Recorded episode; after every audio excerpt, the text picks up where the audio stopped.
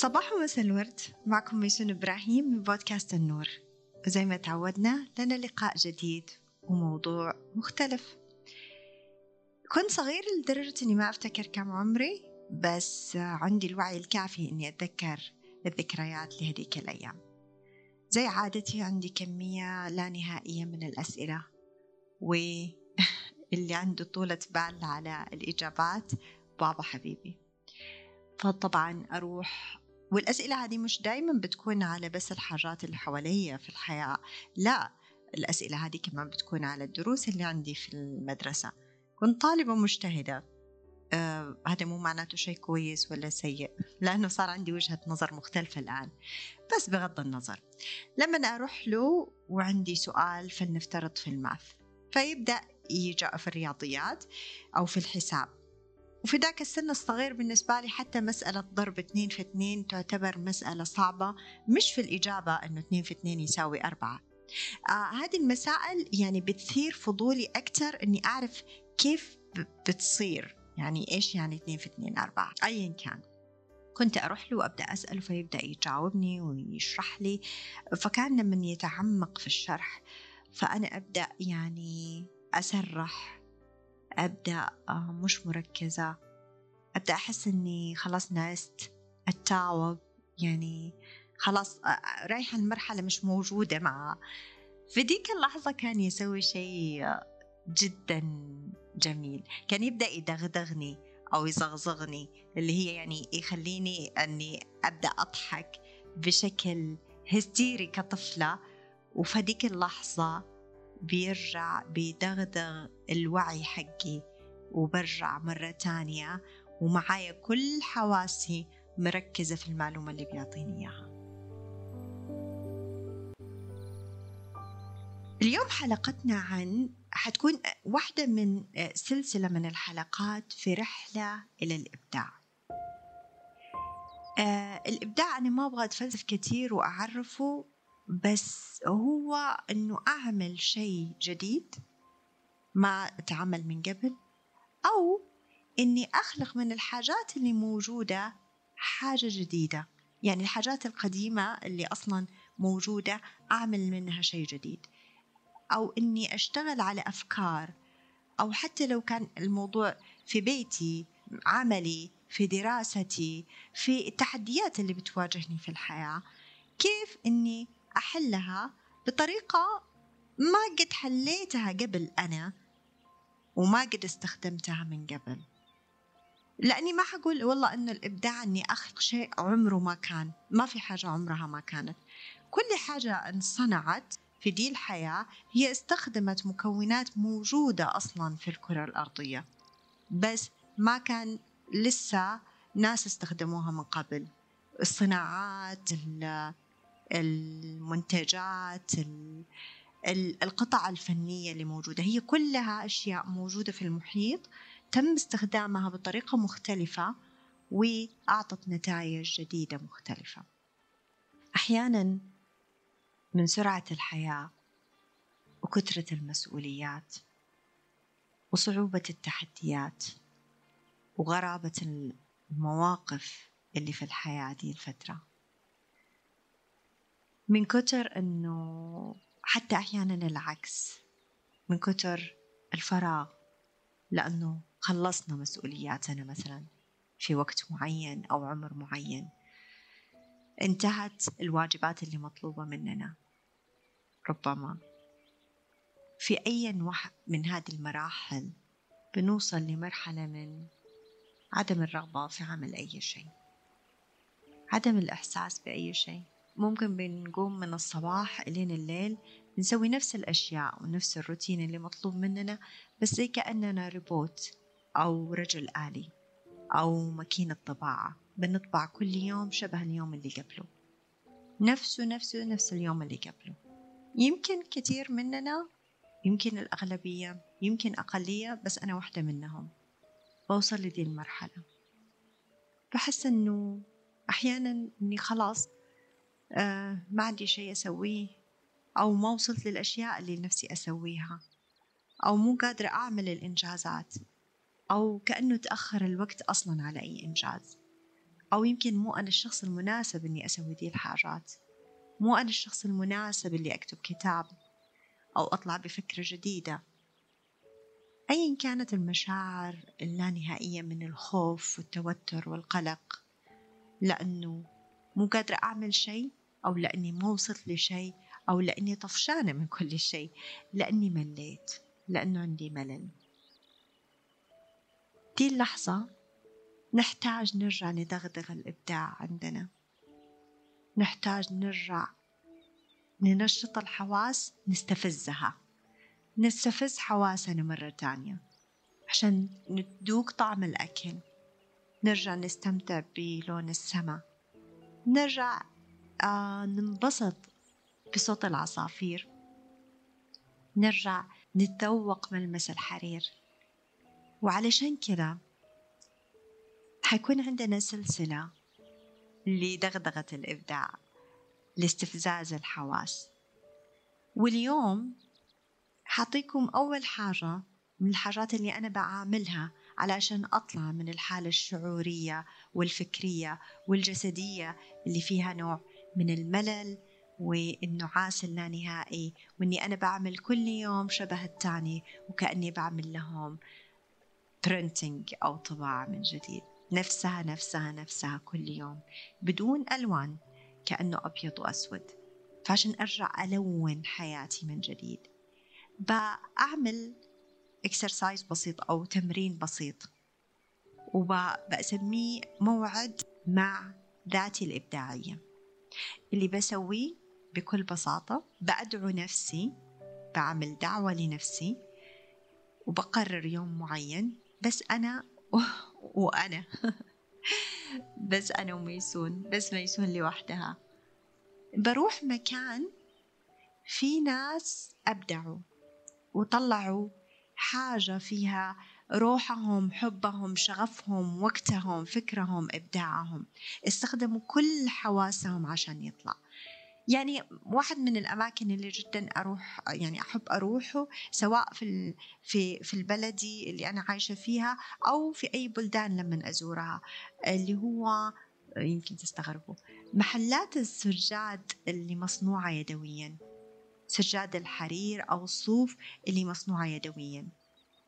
في الكشميري وفي الإيراني في الأذربيجاني آه، في كثير من البلدان اشتهرت بهذه الصناعات. حتى بلداننا العربية كان عندها كثير من استخدام الصوف لصناعة السجاد اللي بينحط في الأرض عشان يجلسوا عليه.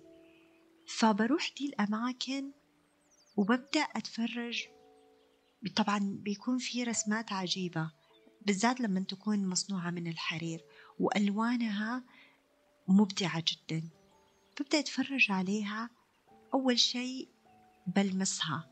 بشوف إيش ملمسها وأنا بلمسها بجلس أفكر الإنسان بسأل الشخص كم ساعة أخذت صناعتها؟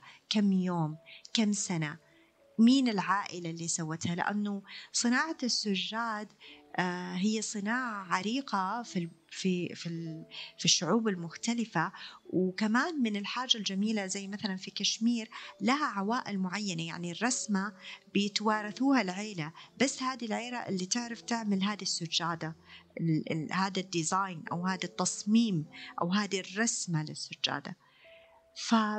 فأجلس أتفرج عليها وأتخيل قد إيش أخذ وقت وجهد قد إيش كان يحط فيها من من روحه من من عمره من مشاعره. ومن جد ببدأ أتصل مع هذه المشاعر ومع هذا الجمال. وبعدين ببدأ أتفرج على الألوان كيف دمجها عشان يعطيني الصورة الخلابة دي. ببدأ أشوف الصوف أحيانا بيكون له لما يحتك فيه ممكن يطلع حتى نوع من من الصوت. ببدا أشوف إيش الأصوات الأجهزة أو الحاجات أو الآلة اللي استخدموها علشان يصنعوا هذه السجادة الجميلة. هذا واحد من الأماكن اللي بحب أزوره في موعدي مع ذاتي الإبداعية. بدون هدف إني أشتري. بدون أي أهداف بس بروح أتفرج على هذه القطع الفنية وأستمتع فيها وأتذوقها. آه ما كانت موجودة دايما طول عمرها عندي دي الحاجة. بس مع مرور الوقت لما قررت أني أتصل بذاتي الإبداعية لقيت أنه تواصلي مع الأعمال المبدعة الفنية القطع اللي الناس حطوا فيهم كل وقتهم وشغفهم وحلموا كيف يطلعوها هو واحد من الطرق اللي بترجعني لذاتي الإبداعية. بتفكرني إني أنا عندي. أنا ما حقول إنه كل الناس مبدعين ولا كل الناس مش مبدعين ولا انه والله نسب الإبداع تختلف من شخص للآخر ولا زي ما كثير من الباحثين يعني في ناس يقول لك لا هو في ناس مبدعين كده من نفسهم في ناس لا ما عندهم إبداع. لا أنا أقول إنه كل شخص عنده كمية الإبداع المناسبة له هو شخصيا. فأنا متأكدة إنه فيا وفي كل واحد بيسمعني كمية من الإبداع اللي تتناسب معاه عشان يقدر يعيش في رحلته في الحياة بكامل المتعة بغض النظر عن كل التحديات والظروف لأنه طريقته في التفكير بشكل إبداعي راح تخليه يقدر يتعدى كل ده وهو بيضحك وهو مبسوط حتى وهو حزين. حيكون عنده نوع من أنواع السلام الداخلي يمكن أكثر ما أنه يكون مبسوط لأنه أنا تكلمت من من قبل وقلت ما في حاجة اسمها آه مرحلة من السعادة الدائمة لا. بس اللي حرجع أقوله طريقي إلى إبداع الداخلي بيوصلني لمرحلة من السلام الداخلي اللي بيخليني أقدر أستمتع في رحلتي بغض النظر عن قد إيش هي مملة أو فيها أحداث مملة أو متكررة أو فيها رتم سريع أو بطيء جدا في حاجات بتتحقق أو ما بتتحقق. حقدر أوصل لدا السلام من الأماكن التانية اللي أنا بزورها في آه، أنا بصراحة ما بعملها كل أسبوع أو كل أسبوعين. حكون صريحة معاكم هذه الزيارات بتصير هو من الأنسب أنه إحنا نعملها بشكل متكرر خلال الشهر يعني مرتين على الأقل. بس أنا بعملها من فترة للتانية. بعملها أول ما أوصل لمرحلة الملل أو الرتابة أو جزء منها الكآبة ولما أحس أني خلاص ماني قادرة أسوي الأشياء بشكل إبداعي من جديد. ماني قادرة أرجع أتذوق الألوان والأشكال وال آه، والحاجات الحلوة اللي حواليا فبعمل لي زيارات. بروح كمان آه، اللي هي المعارض الفنية. حتى لو اللوحة ما لها معنى. كمية الألوان اللي فيها يعني بخلي ببدأ أطالع فيها وبأغرق في اللون. بغرق في اللون. بتخيل نفسي اللون أو كيف كيف هذه الألوان تم دمجها قد إيش الشخص هذا أخذ فيها بغض النظر عن هو إيش بيعني بتعني له دي اللوحة. أنا بتعني لي شيء تاني. آه بتعني لي دمج لحاجة من ألوان موجودة مواد خام طلع منها لوحة. آه يعني أحيانا الناس بتبدأ ت...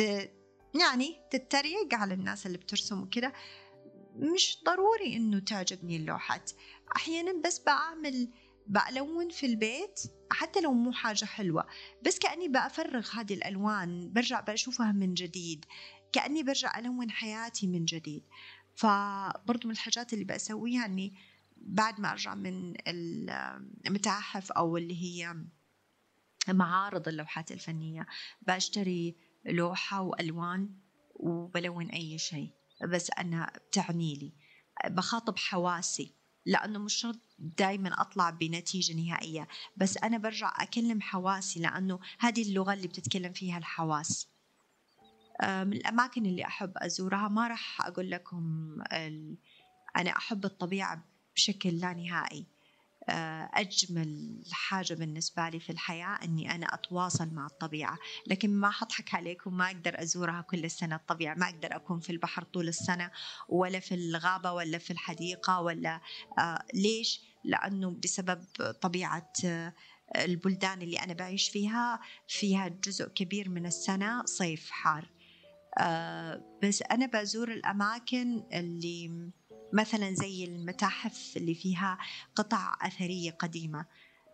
بقدر كده أشوف القصص اللي صارت زمان كيف الناس عاشت إيش كان عندهم تحديات وبرضو كان عندهم إنجازات. يعني برجع أتخاطب مع كل حواسي عن طريق أني أزور أماكن فيها لغة من هذه اللغات اللي ممكن آه، ممكن نسميها لغة الحواس. برأيكم؟ لو دغدغتوا الإبداع من جديد عندكم إيش راح يتغير اليوم في حياتك؟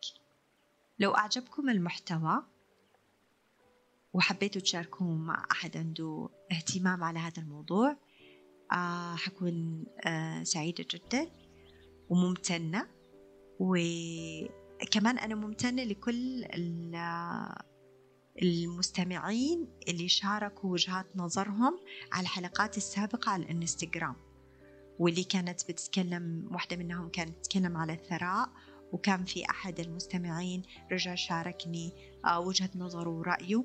أنا برحب دايما لأنه ما في زي ما اتفقنا ما في رأي مطلق. فكل رأي آه، خاضع للصحة والخطأ.